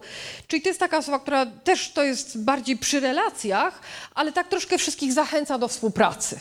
Tak, tak żeby troszeczkę no, mieć pewność, że, że, że wszyscy w tym biorą udział i są zaangażowani ale też zajmuje się tym, żeby trzymać tą, tą wizję, pokazywać tam tą całość albo jakieś całościowe, yy, całościową wizję, podczas kiedy specjalista mówi, no dobrze, ale tutaj wszystko to trzeba bardzo wykonać dokładnie i tym się, na, tym, na tym się skupia. Myśliciel, no to właśnie zazwyczaj tam, tam częściej tą, tą rolę automatycznie podejmują właśnie osoby, które... Yy, nie przepadają za tymi e, słynnymi burzami mózgu i które sobie tam wolą, będą cały czas członkami grupy, ale się na moment oddalić i przyjść z czymś, co grupie dostarczą, podczas kiedy z kolei, ale, ale przy, przynoszą pewne rzeczy, które mogą mieć jakiś poziom abstrakcyjności też. Natomiast realizator mówi, no dobra, a teraz jak, kiedy i jakim narzędziem i jakie mamy zasoby i stąpa po ziemi, jak to realizator. No i jeszcze mamy cudownego poszukiwacza źródeł, który jak Belbin opisuje, nigdy nie można go znaleźć przy jego stanowisku pracy albo jest tam i rozmawia przez telefon, więc chyba stąd ta słuchawka jeszcze staromodna, ponieważ on funkcjonuje jak gdyby na pograniczu grupy i otoczenia, czyli też w takim wariancie, że podkrada pomysły i przynosi do zespołu. A, widziałem, fajne było, co wy o tym? E, cały czas jest właśnie na, łączy zespół z otoczeniem funkcjonuje mm, komunikując jedno i drugie. Mm, I z kolei do tego mamy tego skrupulatnego wykonawcę, E, tak, przepraszam, bo specjalista nie był od wykonywania, tylko bardziej od uszczegółowiania tego, co przyniesie, co, co tej wizji. No dobrze, jak masz wizję, wiesz, to tam dzisiaj się wszystko leczy, także nie ma problemu. Natomiast dokładnie to, jak to ma być. O, to jest ten e, specjalista. Natomiast skrupulatny wykonawca już jest bliżej właśnie tego realizacji, realizacji zadania, bo, bo y, y specjalista jest po stronie tego procesu intelektualnego. Więc jak tutaj widzicie, bo oczywiście to są implikacje tego modelu ról zespołowych są ogromne. To jest jedno zresztą ze świetnych narzędzi, które właśnie w diagnostyce organizacji, zespołów, efektywności i tak dalej można używać. Natomiast to ten, ten slajd, ten obrazek dobrze to pokazuje, że no świetnie jest, ale też widzimy, że tu będzie też immanentne napięcie i ono musi być. Czyli po pierwsze, żeby zespół funkcjonował efektywnie, musimy mieć role, które nie musimy mieć wszystkich, ale musimy mieć takie, które obsłużą wszystkie trzy procesy nie może być e, przesady. Mieliśmy osobiście do czynienia z takim przypadkiem, gdzie mieliśmy cztery zespoły w czterech rejonach e, e, kraju danej jednej tej samej firmy. Trzy, jak to się ładnie mówi językiem korporacyjnym, performowały, jeden nie performował. Tak? No i wszystko sprawdzaliśmy, okoliczności w ogóle były ceteris paribus, wszystkie warunki równe, prawda, wszystko. No i tu funkcjonuje, a tu nie. No i, i, gdzieś naprawdę po długim, długim dochodzeniu, gdzie jest pies pogrzebany, no okazało się, że tam mieli, już nie pamiętam w tej chwili, ale zdaje się samych skrupulatnych wykonawców oraz specjalistów i żadnej lokomotywy ani realizatora. No niby był szef, niby były wszystkie funkcje, no ale to nie szło. Także, także naprawdę w tym przypadku okazało się, że to był właściwie prawie pojedynczy powód, dla którego ten zespół nie, nie był y, efektywny. A, jeszcze mamy jednego, zapomniałam, bo powiedziałam, że dziewięć. Tu jest taki troszkę tak z boku patrzy oczkiem tak zwany krytyk wartościujący który no, w skrajnych przypadkach może być hamulcowym, ale patrząc konstruktywnie na jego funkcję, to jest takie, żeby grupa się tam nie oderwała od ziemi, tak, krótko mówiąc, swojej, swojej pracy, więc troszeczkę jest tak złe, bo poddaje obiektywnemu osądowi. I wszystkie te elementy są, są yy, ważne. I teraz fajnie opisuje też Belbin to, że jeśli jesteśmy przy innowacyjności, przy kreacji, no to już widać, że mamy tak naprawdę dwóch różnych zupełnie kreatorów w takiej grupie. Możemy mieć. Oni są, to, I te, te różne role zespołowe będą różniły ich efekty i sposoby funkcjonowania, gdzie myśliciel właśnie będzie takim trochę uważanym za dziwaka, outsiderem, ale tworzy bardzo oryginalne, cenne propozycje. A poszukiwacz źródeł będzie uznawany za kreatywny, bo jest właśnie ekstrawertycznie tak kreatywny, ale tak naprawdę wolą dopracowywać już pomysły, którymi się zainspirowali gdzieś indziej. I tam dopiero właśnie podchwytują je, zmieniają i tak dalej. Także jak pisze Belbin e, o, o, o, z analizy czy z raportu jednego z kolejnych badań, że myśliciel najczęściej siedział sobie w kącie, rozmyślał, czasu do czasu przedstawiał błyskotliwą propozycję, Tymczasem poszukiwacz źródeł dbał o to, by rozważyć wszelkie możliwości, potrafił wykorzystać swoje umiejętności do odkrycia skarbu w najmniej spodziewanych miejscach, bo się po różnych włóczy, że tak powiem, bez specjalnych zahamowań. Więc oczywiście no, można sobie postawić pytanie, czy to będzie efekt synergii, czy efekt konfliktu, czy, czy, czy będzie efekt synergii, czy będzie konflikt, bo wiemy, że są tarcia i będą tarcia. Myśliciel, poszukiwacz będą przedstawiać pomysły, które mogą być ze sobą niekompatybilne, mogą też chcieć przy nich obstawiać. Z kolei jeszcze mamy krytyk, krytyka wartościującego, który będzie taką miał naturalną odporność na entuzjazm, no ale właśnie też y, jest pewnym arbitrem. No i będzie mieć na przykład skrupulatnego y, y, wykonawcę, którego brak powoduje, że zespoły miały cel w zasięgu ręki i go nie osiągały, tak? mimo dobrych pomysłów i tak, bo tam trzeba było jeszcze coś dopracować, żeby esencję tego pomysłu można było przekazać. Nawet jeżeli się taką metodą design thinking pracuje, no to jest ten element właśnie pokazania tego prototypu. No to chyba tyle jeśli chodzi o rolę. To możemy pójść sobie dalej, bo drugim e, równie istotnym elementem tworzącym różnorodność, patrzę na czas, ok, e, jest, są style osobowości. Oczywiście ile ludzi, tyle jest osobowości i tak dalej, więc tutaj można do tego w różny sposób podejść. Ja akurat podchodzę od, od strony Junga, bo jest tak po drodze właśnie. I, I, to jest narzędzie, które ładnie mi się sprawdza w, i diagnostyce zespołów, i, i poprawie ich efektywności, i innowacyjności i tak. Najprościej, jak to można przedstawić, yy, mimo że każdy jest zupełnie inny, absolutnie, to można też powiedzieć, że mamy pewne preferencje, czyli tak jak osoby y, mamy praworęczne, leworęczne, każda może teoretycznie pisać jedną i drugą ręką, jakby coś, ale Y, ma preferowaną prawą albo preferowaną lewą, czyli jak tam dam komuś, kto jest praworęczny, podam długopis i podpisz je, no to automatycznie wyciągnie tą. Czyli to jest ładnie tu u Junga po, pokazane, że nie chodzi o jakieś dzielenie, oddzielanie ludzi od siebie w szufladach. Yy, możemy korzystać z różnych strategii. To jest zresztą ważne, bo przy zespołach różnorodnych właściwie ludzie nieuchronnie będą się musieli nauczyć pisać lewą ręką, przynajmniej trochę żeby się dogadać z leworęcznymi ci praworęczni i odwrotnie. Ale y, y, ważne jest to, że mamy tak naprawdę te trzy rodzaje preferencji: introwertyzm, y, ekstrawertyzm, no to nie muszę tłumaczyć, bo pojęcie jest popularne. Y, to, co związane jest tak naprawdę ze sposobem, jaki podejmujemy decyzje, czyli jedni są bliżej tego myślenia, takiego uporządkowania, że no skoro z A wynika B, z B wynika C, no to decyzja jest D i właściwie tyle, a inni będą bliżej drugiego bieguna, czyli takiego, jak nie ma odpowiednika tego idiomu w polskim języku, gut feeling, prawda, czyli takiego jakiegoś odczucia z brzucha, że ja tą logikę rozumiem, ale coś mi tu nie pasuje, ja tego nie czuję, prawda, to jest no ten logiczny mówi, ale o co ci w ogóle chodzi? Już jest kłopot z dogadaniem się, jeżeli będę mówić tylko swoimi językami, ale będziemy mieć właśnie, niektórzy są z nas bliżej tu, bliżej tam. Nie mówię o jakichś wolincjonalnych, świadomych sposobach podejmowania decyzji, bo tu każdy może zrobić wszystko, tylko właśnie o tych automatycznych preferencjach. Podobnie percepcja doznania w sensie empirycznego, wzrok, słuch, smak, tak? Coś mogę dotknąć, posmakować, zobaczyć empirycznie, albo wiem, że coś jest, bo, bo mam taką intuicję, czyli syntetyzuję, prawda? Nie wiem skąd wiem, ale wiem. Czyli nie sprawdzam wszystkich szczegółów, nie przekonałem się o tym empirycznie, ale widzę to, prawda? I teraz e, jedni znowu są bliżej z nas jednego lub drugiego. I teraz gdybyśmy to wszystko sobie, tak naprawdę będę tu uproszczać, ale to myślę, że będzie wystarczające, żeby pokazać tą różnorodność wynikającej z niej korzyści. Mianowicie jakbyśmy sobie to złożyli w ten sposób, no to będziemy mieć takie koło, tak? Tu mamy tą to, ten wymiar podejmowania decyzji, bardziej przez myślenie, bardziej przez uczucia, a tu doznania intuicja i zazwyczaj, zazwyczaj, bo w Insightie no, rysuje tutaj Lotian takie, taką kulę, żeby zrobić ten trzeci wymiar, ale zazwyczaj introwersyzm jest gdzie? Po stronie doznań czy po stronie intuicji? Doznania to jest właśnie empiryczne podejście. Sprawdzam, y, mogę coś dotknąć, zobaczyć, co jest, to jest, tak? Nie, nie dopisuję sobie między werszami. A intuicja jest właśnie, no, tą wizję mam, tak? Co to ten doznaniowy mówi, że jak masz wizję, to się nic nie ma, bo dzisiaj się wszystko leczy, no.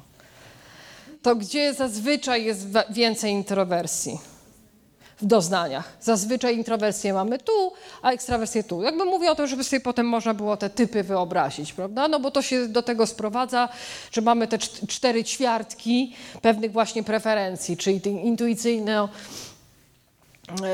e, myślenie, myślowy, myślowo-doznaniowy, doznaniowo-emocjonalny, uczuciowy i uczuciowy, intuicyjny. Oczywiście też, żebyśmy pamiętali, ja zawsze to podkreślam, może tu nie muszę, że to, to, podejmowanie decyzji na podstawie uczucia to nie jest, że ktoś ma jakiś nastrój zły czy dobry i to jest niestabilne, bo to jest bardzo stabilne, dlatego że to, że coś czujemy z brzucha, że jest tak albo nie tak, że pójdziemy za tym albo nie, to nie wynika z nastrojów, jest bardzo stabilne, często nawet bardziej stabilne niż to, co wynika z myślenia, bo jest związane, jak sądzicie, z czym? Skąd mamy to odczucie, że coś jest ok albo nie? Systemu wartości wewnętrznego, nie? W związku z czym no, to jest niezwykle akurat stabilne.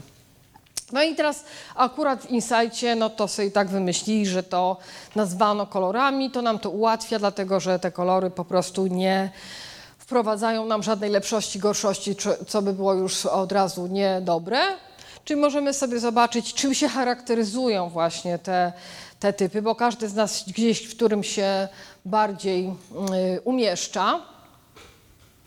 No mianowicie, jeżeli byśmy sobie wyobrazili taką osobę, która jest gdzieś w tej ćwiartce, prawda, tej logiczno-intuicyjnej czy tam intuicyjno-logicznej. To znaczy, że co? Że postrzega rzeczywistość jako pewne całości. Już nie mów mi szczegółów, dobra, dobra, ja już to widzę. Czy słusznie, czy niesłusznie to nie mówimy, bo może się pomylić, może się nie mylić. Tak samo jak i doznaniowy może mieć e, kłopoty z oceną rzeczywistości czy, czy, czy jej percepcją. Ale generalnie widzi, widzi ok, widzę to i układam sobie tą ciąg logiczny, dobra, jak to ma być? Aha, z tego wynika to, z tego wynika to, dobrze, robimy tak. No to krótko mówiąc co? No będzie nastawiona bardziej na działanie czy na relacje? No będzie na działanie, prawda? Szybko czy wolno? Raczej szybko prawda? Pewna, pewna niecierpliwość działaniu i dążenie do zakończenia działania, do rezultatu, do efektu, do osiągnięcia, zakończenia czegoś, tak? Żeby już to gestalt, tą figurę domknąć. Wobec tego napisałam tutaj, że między innymi to będzie takie działanie 80 na 20 w takim znaczeniu Pareto, prawda? Szukam tych czynników sukcesu. Gdzie jest to 20%, które jak zrobię, to mam właściwie 80% efektu. No dobrze, tylko kto będzie dopieszczał te 80 pozostałe? A no niebieski. Tak? Bo z kolei, tak jak tutaj mamy tylko patrzenie właśnie pewną ogólną całością i najważniejsze tylko rzeczy, tu bullet pointy, tak? No to z kolei tam, gdzie mamy osoby, które są bardziej w te preferencje swoje umieszczają, no, mają po prostu w tym obszarze tym niebieskim, czyli doznaniowo-logicznym, y, y, doznaniowo-myśleniowym, no to tam będzie dobrze. No to przejdźmy przez wszystkie szczegóły, sprawdźmy poszczególne elementy. Wszystko jest ważne, prawda?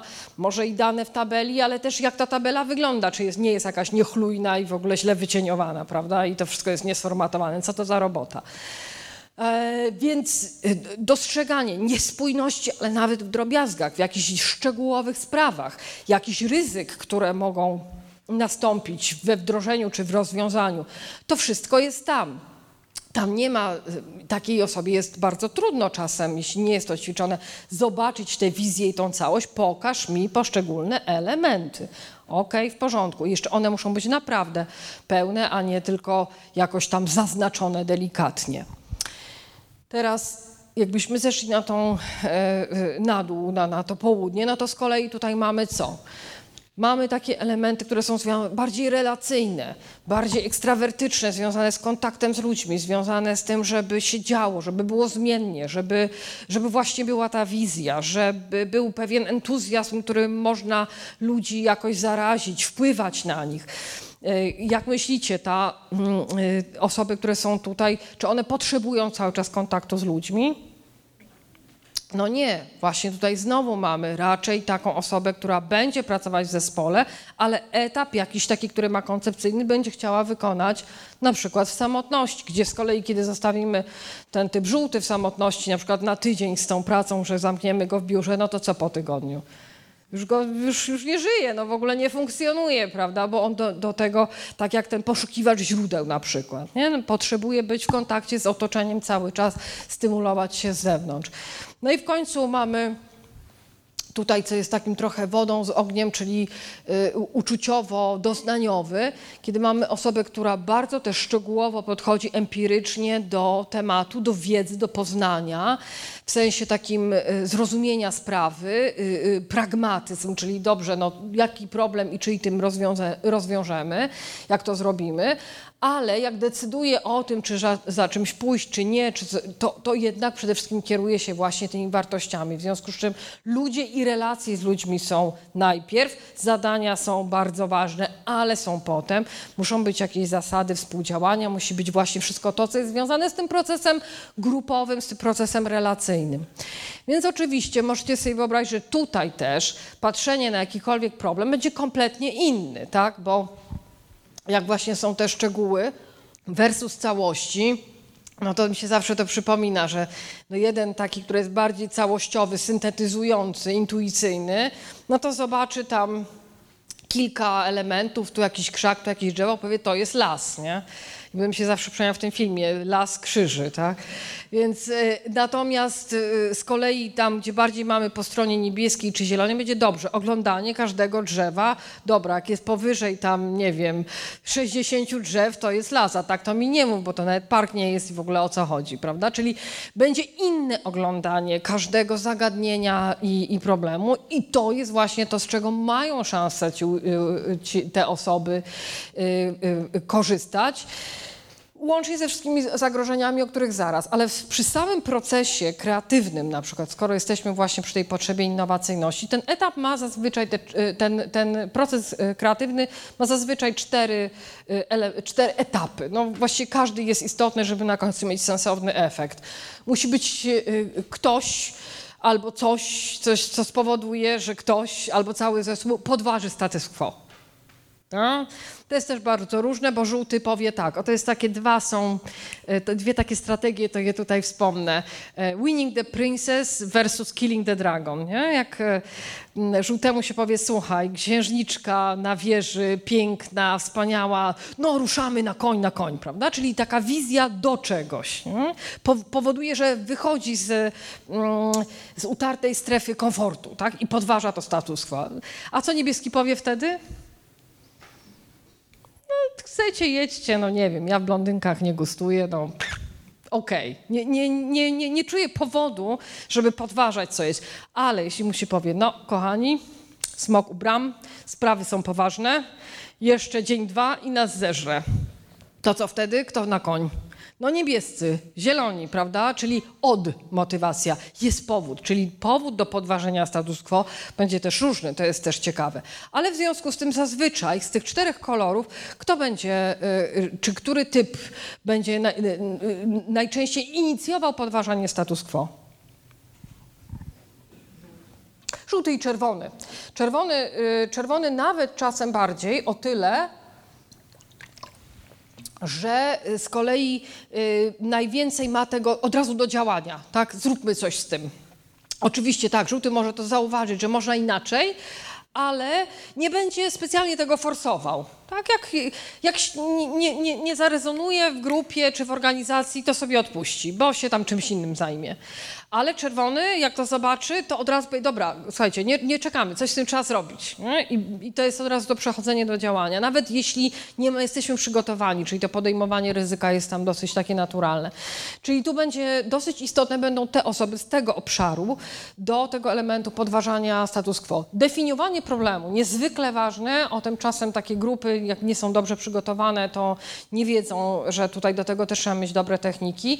Dobrze postawiony problem, tak? Jeżeli y, to w podręcznikach chyba y, Nęcka właśnie twórcze rozwiązywanie problemów, jeżeli się postawi problem typu mm, y, jaki podręcznik wybrać do uczenia dzieci kreatywności, tak? Versus jak nauczyć dzieci kreatywności, to zupełnie gdzie indziej się znajdziemy na wyjściu. W tym pierwszym znajdziemy jakąś książkę, ale być może kompletnie nie poprawimy kreatywności. W tym drugim możemy myśleć o wszystkim prawda? Tańczyć, śpiewać, mówić, oglądać, czytać cokolwiek. Czyli samo sformułowanie problemu, a w organizacjach to jest jeszcze bardziej złożone, bo to, że nam, nie wiem, y, klient odszedł, a to, że nam y, się zrobiły jakieś koszta, a to, że nam ludzie odchodzą, to są bardzo złożone problemy, które trzeba dobrze postawić, żeby w ogóle z czym gdzieś dojść. No to kto tutaj będzie? Która, która grupa ludzi, typów umysłów będzie najbardziej pomocna? Z którego pola? z niebieskiego. Zazwyczaj właśnie tu jest bardzo to, to niezwykle cenne. W końcu mamy generowanie rozwiązań, które no jednak często się właśnie dzieje poprzez cały ten umysł zbiorowy tu i teraz, poprzez interakcje i tu oczywiście mamy bardzo dużą aktywność tych typów żółtych. No i w końcu w ogóle raz, żeby ta grupa się właśnie nie rozpadła, plus ewaluacja i wdrożenie, taki pragmatyzm też, no to nam się cykl zamyka właśnie bardzo mocno osobami zielonymi, które na końcu powiedzą, no dobrze, a komu to służy? A czyj to problem rozwiązuje? A jak to będzie ostatecznie działało. Hmm? Także bez, bez, bez krytyki, bez, bez, bez y, forsowania swojego zdania, bo w, zielonym polu tego praktycznie zupełnie nie ma. Jest, jest dużo takiej asertywności, ale w sensie poszanowania praw swoich innych, a nie narzucania. Więc to tak zazwyczaj wygląda. Antyprzykład mogę pokazać, jeśli chcecie. Znaczy anty, no nie wiem, to był taki przykład.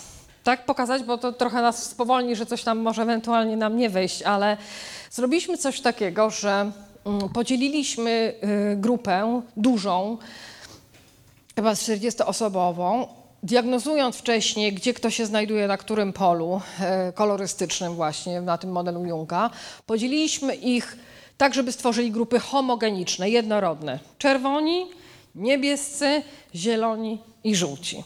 Mieli zbudować most. E, no nie prawdziwy, tylko w odpowiedniej skali. No jak są różne takie gry i zabawy organizacyjne, mieli jakieś tam materiały, spinacze, chusteczki, baloniki, gumeczki i tak dalej. Ale rzecz polegała na tym, że właśnie pracowali w osobnych pokojach i tylko raz na czas mogli wypuścić jakiś. Aha, i mieli budować każdy jedną czwartą tego mostu, no i potem połączyć we wspólnym pomieszczeniu, to we wspólnym most, który tam miał łączyć maczu górne i maczu dolne z pikczu górnym i pikczu dolnym, a gdzie pośrodku wąwóz i tak dalej. I Aha, i mogli tylko się raz na czas wysyłać y, gdzieś w jakieś neutralne miejsce posłanników, żeby coś tam się naradzić, ale generalnie pracowali w tych grupach. No i słuchajcie, ten plot kreatywny był niezwykły. A, oczywiście, co się działo, jak sądzicie, w zespole samych czerwonych. Praktycznie przez cały czas wykonania tego zadania oni nie zrobili niemalże nic. Dlaczego? Bo walczyli o to, czyja koncepcja jest lepsza. Ja, nie? Zaczynali każde zdanie. Ale co ci po balonach? Weryfikowali, podważali status quo nieustająco, że nie mogli zacząć. E, mm, nie wiem, jak to było liczone, ale tu brakuje, czyli otwarta krytyka wszystkich przez wszystkich oczywiście szła. E, mm, no co ty zrobiłeś tam, podpora ma być na szóstym. Nie, nie mów, że się nie da. Jeden z mocnych sposobów motywowania się nawzajem e, w stylu czerwonym.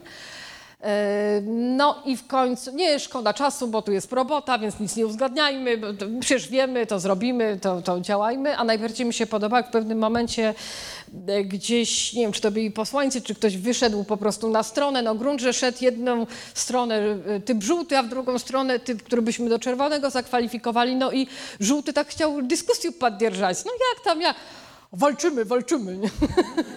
I nie było już po rozmowie mniej więcej. Tak.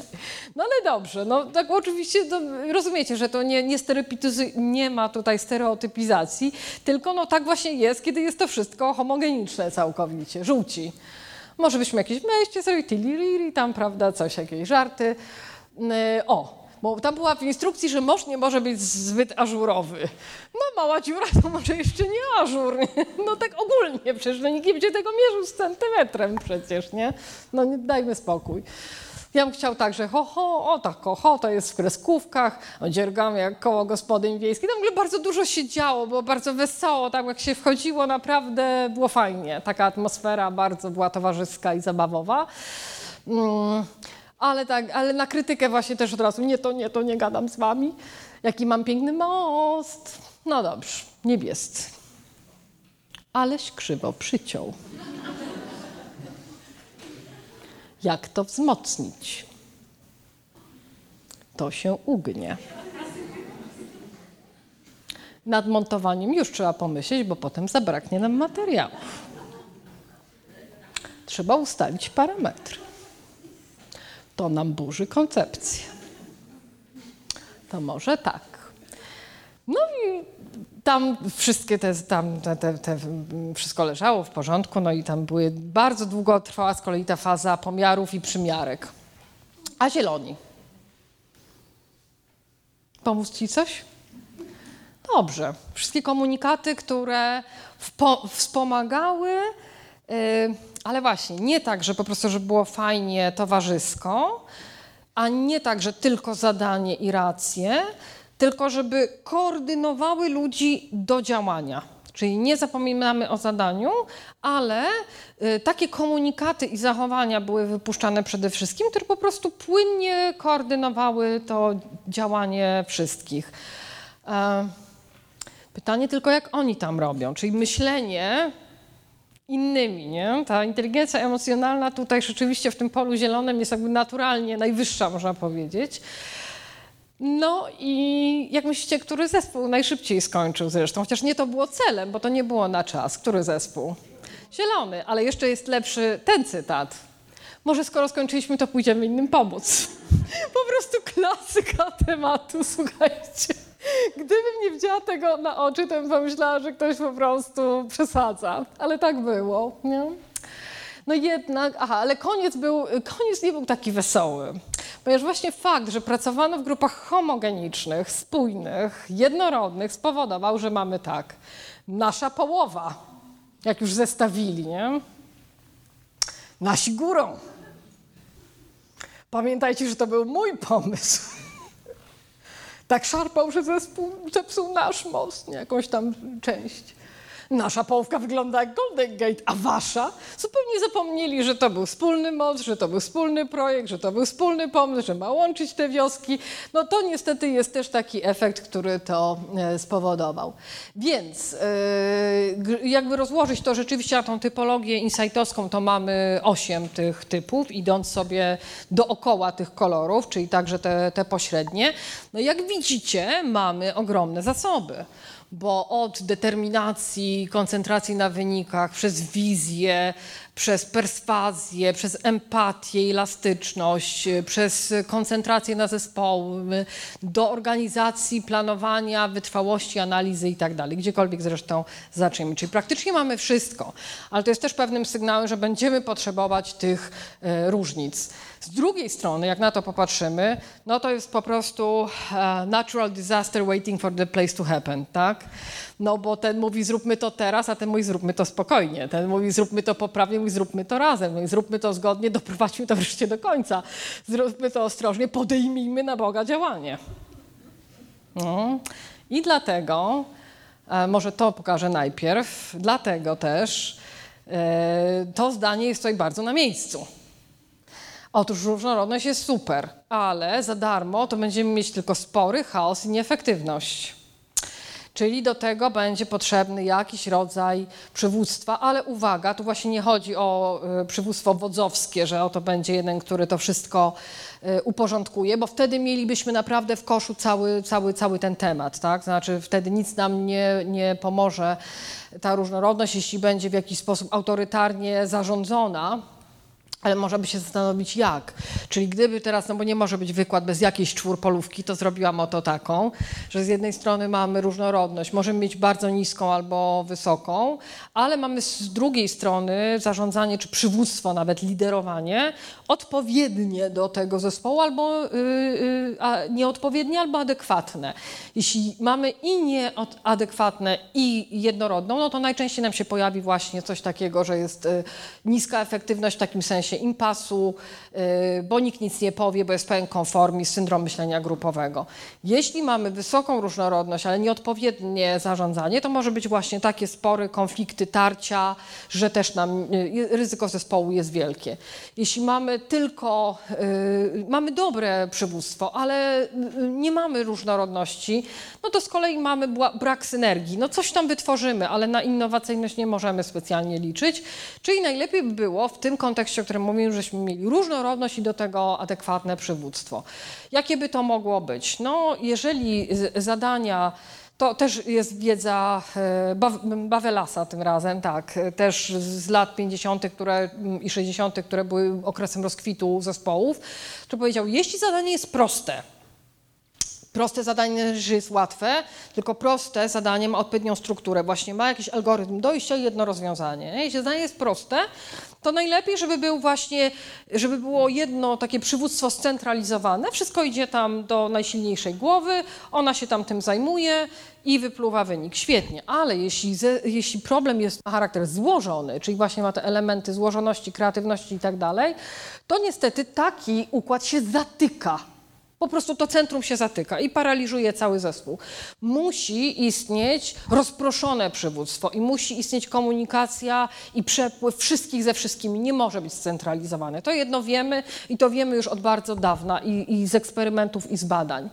Z drugiej strony, jeżeli mamy właśnie takich y, pracowników wiedzy, y, y, którzy y, mają umiejętności, którzy myślą, którzy rozwiązują te niestandardowe problemy, to jakikolwiek dyrektywny styl też spowoduje, że nie będą w stanie y, zaangażować się w to. Tak? Będą mieli bardzo taki, y, takie negatywne nastawienie prędzej czy później. Akurat tutaj postanowiłam taką anegdotę mm, przywołać o Ricardo Mutim, który jest znakomitym no, w czołówce światowej dyrygentów. Tak?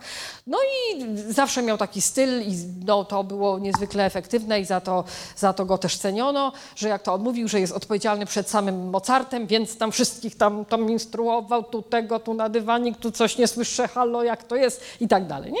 Dobra, ale trafił do Laskali. I tam miał takich już po prostu creme de la creme, prawda? Już takich wirtuozów, tak? Wszystkich instrumentów.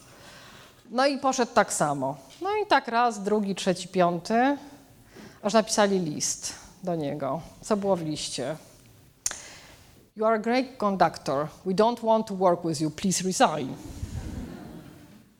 No i o tym oczywiście potem były wszystkie uzasadnienia, tak? ponieważ nie pozwalasz nam się rozwijać, nie pozwalasz nam tu no, grać, nie pozwalasz nam uzyskiwać tego efektu synergii i tak dalej. No, to jest taki anegdotka, ale która ładnie obrazuje, że w tym momencie nie tylko z powodów strukturalnych i informacyjnych, ale z powodów zaangażowania to też nie przejdzie. Czyli wiemy, że już na pewno nie, to, nie może to być autorytarny czy taki autorytatywny, usztywniony styl y, zarządzania.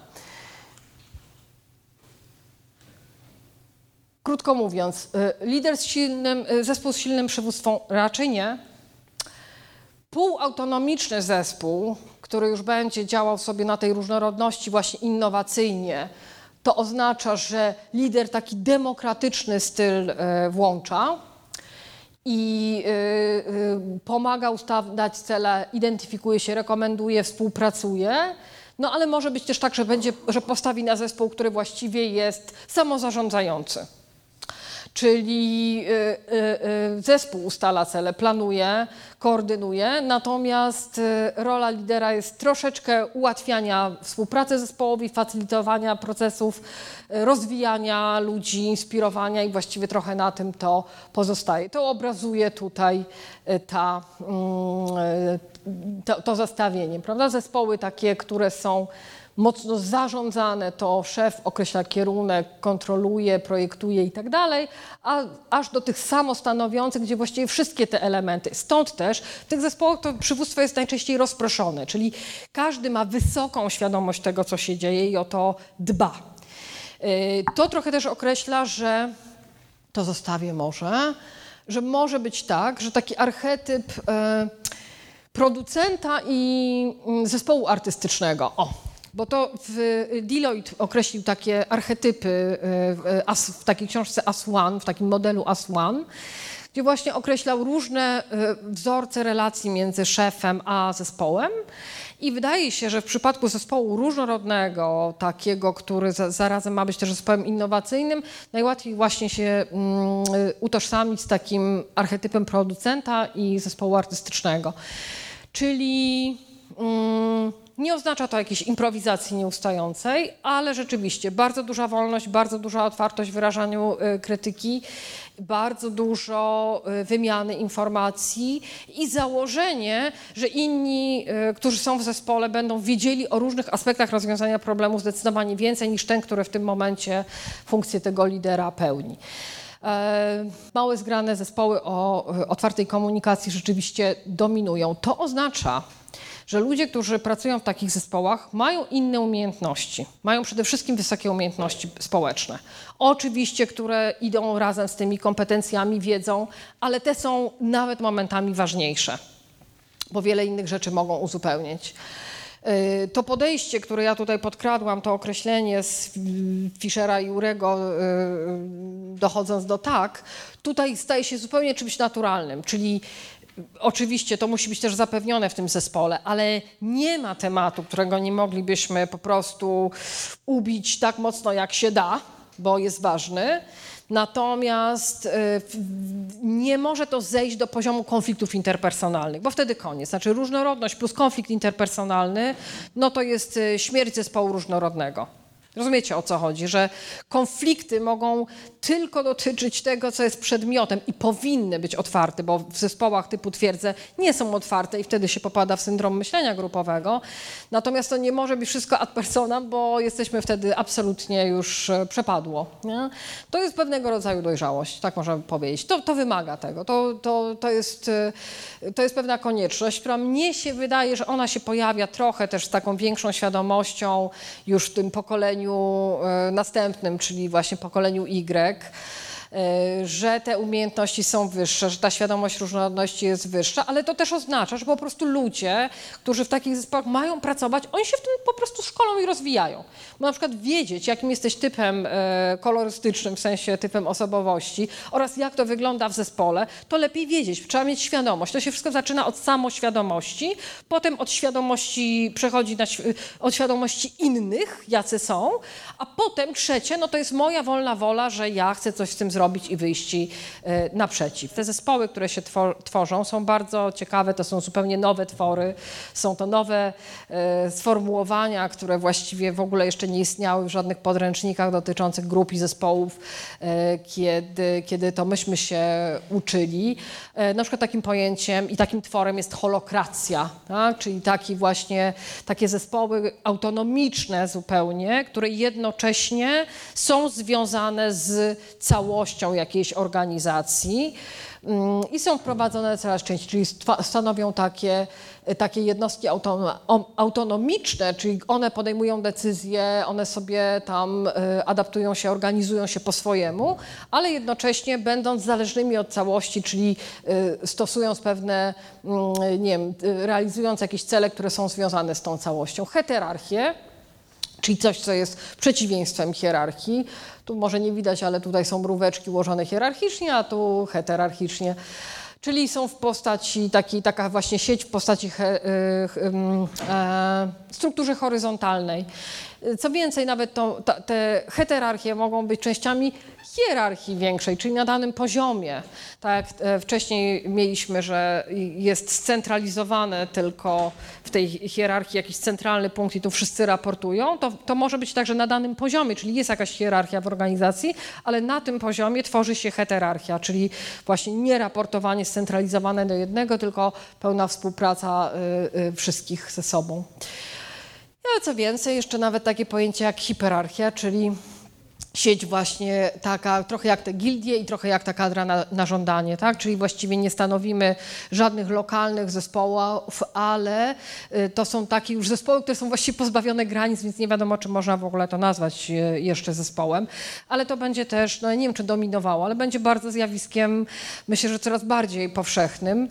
I myślę, że też, czy jesteśmy na to gotowi, to takie ostatnie właściwie słowo refleksji, y, nie wiem, bo oczywiście te światy się ścierają, ten świat tradycyjny, tradycyjny z tym nowym. Jesteśmy w takim e, punkcie jakby e, e, ścierania się paradygmatów dosyć różnych, ale można powiedzieć, czy moim, moim takim, moim wnioskiem z analizy, które prowadzę, jest to, że świat jest zorientowany coraz bardziej na współ, współuczestnictwo i kreację.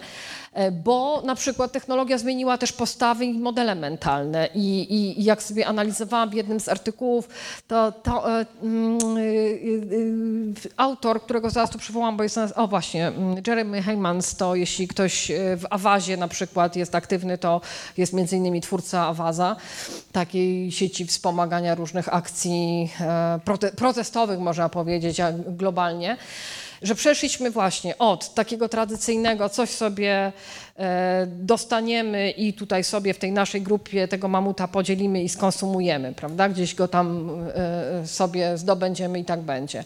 Potem do dzielenia się. Sharing, czyli e, coraz bardziej nie, że tylko dla nas i my to zatrzymamy, ale można się tym podzielić z innymi. Potem na przykład, dobra, to y, sobie weźmiemy coś, co jest wytworzone już na przykład kulturowo czy biznesowo i będziemy to sobie kustomizować dla siebie. Nie? Każdy sobie niech customizuje, korzysta z tego i każdy dla siebie to sobie wyformuje, ten shaping. Founding. E, no to wszystko to, co związane jest e, z e, co-foundingiem, z, z, z, takim z zbieraniem funduszy, gdzie potem wszyscy będą z tego korzystać. Tak? Najpierw się złożyli, potem ktoś to wytworzył, potem staje się to własnością jakiejś ogromnej grupy ludzi. Crowdfunding i tak dalej. Potem oczywiście y, producing, czyli już w ogóle produkowanie własne, czyli y, ten prosument słynny, tak? Czyli sam sobie wytworzył, sam jest sobie konsumentem w ten sposób. No i, i, i cloning, czyli y, własność staje się no, rozluźniona, czyli współwłasność na, na bardzo szeroką skalę. Czyli ta stara władza, jak pisze o tym Jeremy Heymans, to jest właśnie twórca Awaza, to przede wszystkim właśnie zamknięcie, to izolacja, to ten menedżeryzm, to jest ten świat takich, że o my się znamy, wy się nie znacie, to my wam powiemy i pokierujemy. E, specjalizacja, uznaniowość, poufność zespołów organizacji, długotrwała przynależność, tak? to jesteśmy my, jesteśmy lojalni, trzymamy się razem, mamy swoje tajemnice, mamy swoją władzę, versus gdzie jest właśnie mądrość tłumu tak, gdzie jest współpraca otwarta na każdego, dogłębna przejrzystość, transparentność posunięta do maksimum, e, kultura makerów, to wszystko jest krótkotrwałe, zmienne, więc obejmuje bardzo szerokie e, e, spektra różnorodności ludzi, którzy do danych akcji się przyłączają. I tu nie mam na myśli tylko jakichś akcji społecznych, ale też firmy, które tak funkcjonują. Tu się autorzy pokusili o takie zestawienie po swojemu, oczywiście to był 2015 rok, ja bym powiedziała, że Zapos jest w tej chwili w tych typach organizacji typu crowd, czyli old i, i, i new power, czyli ta nowa, stara władza. E, tu są takie właśnie te, które są wyłącznie w starej władzy, w sensie i modelu, i, i mm, wartości. Tu jest innymi Nobel Prize. Akurat dzisiaj czytałam absolutnie szokujący dla mnie artykuł o y, profesorze medycyny, który y, po prostu był celebrytą naukowym, robiąc tam sztuczne tchawice tam z komórkami macierzystymi, robił te operacje. W ogóle wszyscy go tu cytowali, Lancet pisał i właśnie Akademia Szwedzka pozwalała mu to wszystko robić. Nigdy go nie sprawdzono. Okazało się po kilku latach, y, że to był po prostu kompletny fraud. Ci pacjenci zmarli, były same komplikacje i to wszystko było absolutnie w żaden sposób niekontrolowane. No właśnie tylko, tylko dlatego, że no też by nikt nie powiedział, mimo że głosy dochodziły, bo przecież to jest ma nasze, my wiemy, my jesteśmy tutaj akademią, kto nam będzie mówił, prawda? No więc to jest to zupełnie jakby z innej beczki, ale dość to było szokujące, więc o tym mówię. Także to są pierwsze już takie zjawiska, nie wiem czy pierwsze. E, już naprawdę kończę, ale już chciałam to pokazać, bo to bardzo mi się podoba właśnie takie to był taki motyw modelu przywódca plemiennego, ale jak się zmienia nasza tożsamość też jako ludzi, wydaje mi się, i nasz model mentalny. Od takiego, że każdy jest wyizolowany i w ogóle świat jest straszny i, i, i jest jednym naszym wrogiem, przez e, takie, że no może innym się wiedzie, ale ja jestem w ciągle w jakimś zagrożeniu, aż do takiej, do, do takiej właśnie sytuacji, czy poprzez taką sytuację e, jak się wybiłem, to zatrzymuję to dla siebie i centralizuję innych swoich wokół siebie, e, poddanych, oddanych, wpatrzonych i tak dalej, no to to jest taki zespół właśnie z tym wozem przywódcą, jednorodny, wszyscy oddani temu, temu jednemu, w tym centrum, zapatrzeni to centrum po takie, że my jesteśmy wspaniali, ale tylko ci, którzy są na, na, najbliżsi nam i są tacy sami, prawda? I tu jest ten podział taki silny na my i oni, aż do takiej mentalności właśnie, że życie jest wspaniałe. Czyli, że jest jakieś olbrzymie my, ale bez tego oni. No i to jest taka moja myśl, która oznacza, że, że to będzie wyglądało y, inaczej. O tym obiecałam, że przypomnę. Bardzo polecam książkę Organizacje Wykładnicze. One piszą już o firmach, o organizacjach, które są już zupełnie wedle tego nowego modelu stworzone, gdzie już zupełnie tylko właśnie owe heterarchie, holokracje są wprowadzane, jak to wygląda i co przynosi. No, oprócz tego nie mogę też po polecić własnej książki, w której również dokładnie pokazujemy też, jak w tym szaleństwie jakąś metodę wytworzenia stworzyć. Bardzo serdecznie Wam dziękuję, przepraszam za, za, za przyciągnięcie od, od